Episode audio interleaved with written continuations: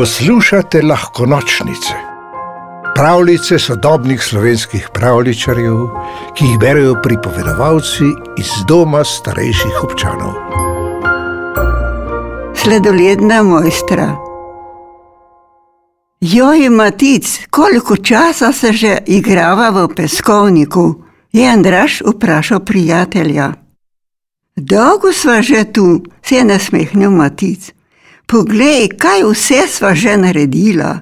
Ceste, take z ovinkom, pa grad, tri mostove in predor za tovrnjake. Tudi najne kaglice in lopatke ležijo vse povprek, je dodal Andraš. Utrujen sem.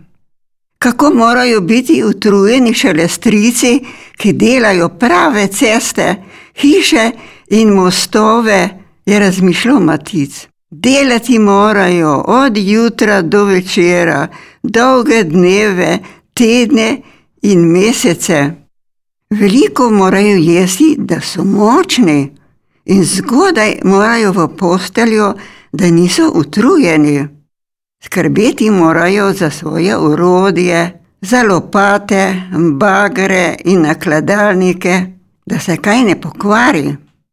Andraš, kaj bi bil rad, ko boš velik? Kaj pa vem, je odgovoril Matic. Morda bom nekoč tudi jaz gradil prave zgradbe in ceste. Ljudje jih potrebujejo, nekje morajo živeti. Tudi v šolo in vrtec moramo vsak dan. Zato potrebujemo ceste in tunele. Predori so zelo zanimivi. Kaj če bi gradil predore skozi hribe pod zemljo? Jaz bi bil rad gasilec, je rekel prijatelj. Kot gasilec lahko pomagaš ljudem in na pomoč se peleš s prežganimi lučkami in v velikem tovrnjaku. In če komu na visoko drevo spleza mucek, postaviš dolgo lestev in ga rešiš. Ob tem lahko nosiš čelado, pa kisikovo masko in škorne. Biti gasilec je lahko nevarno, je dejal Matic. Da, biti moraš pogumen, se je strinjal Andraš. Tudi če hočeš biti policist, moraš biti pogumen, je razmišljal Matic. Loviti moraš lumpe, spuščati se moraš znati po dolgih vrveh z letečega helikopterja. Obvladati moraš potapljanje, vedeti moraš, kako se razstavi bomba in kako se vozi motor. O, da, Policist je prekimal Andraš. Ali pa bojevnik, kot v starih časih v pravljicah. To bi bilo šele zanimivo. Imel bi konja, oklep in meč in jezdil bi od gradu do gradu ter iskal napete dogodivščine, renčave zmaje in princeske, ki bi potrebovali pomoč. Bojevnik! Kaj pa vem, je menil Matic. Če si bojevnik, se moraš bojevati in to se meni ne dopade. Raje bi bil astronaut, nekdo, ki potuje po vesolju ter odkriva nove planete, vzvezdja, galaksije. Astronaut? To bi bilo krasno. Slišal sem, da morajo biti astronauti zelo pridni v šoli. Veliko se morajo naučiti, veliko morajo znati in marsikaj vedeti. Si vedel, da morajo astronauti tudi zelo dobro znati matematiko? In tudi oni morajo biti zelo pogumni, je dodal Matic.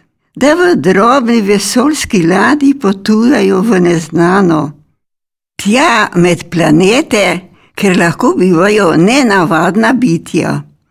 Taka z lokami, ki se prevažajo za hitrimi vesoljskimi plovili, ki streljajo laserje. Tudi pilot bi bilo zanimivo biti, je razmišljal Andraš. pilot velikega potniškega letala, ki pelje družine na morje. Tudi piloti morajo veliko vedeti in znati. Zadnjič sem videl sliko pilotske kabine, polna je gumbov in stikal. Da letalo varno zleti in pristane, moraš vse poznati kot svoj lasten žep.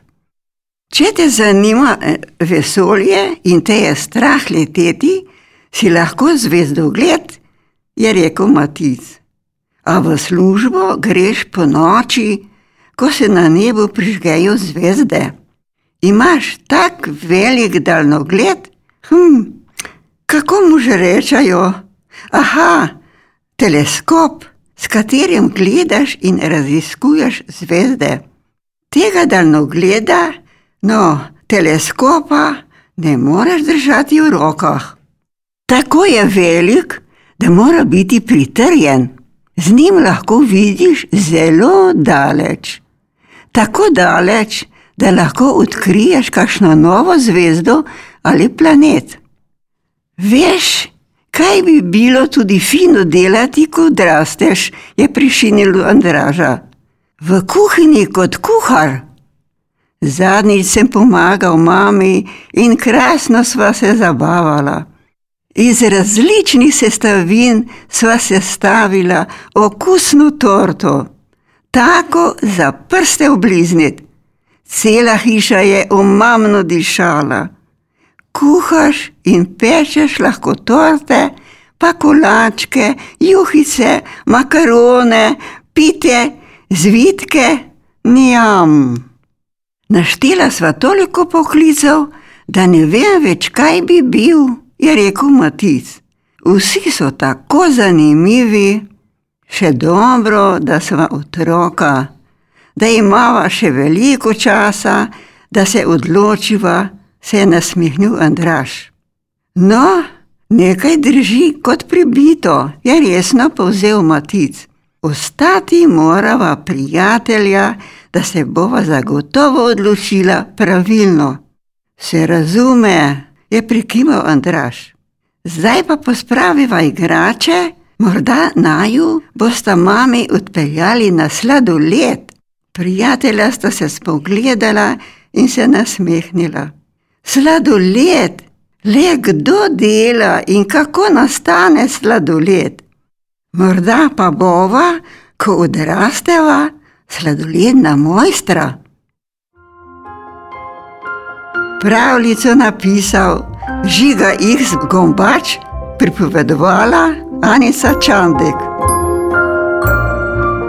V deželo princesk, zmajev, gozdnih vil in ostalih čarobnih biti ste vabljeni vsak večer. Novi pravljici prisluhnite na lahkonočnice.pikasi pa lahko noč.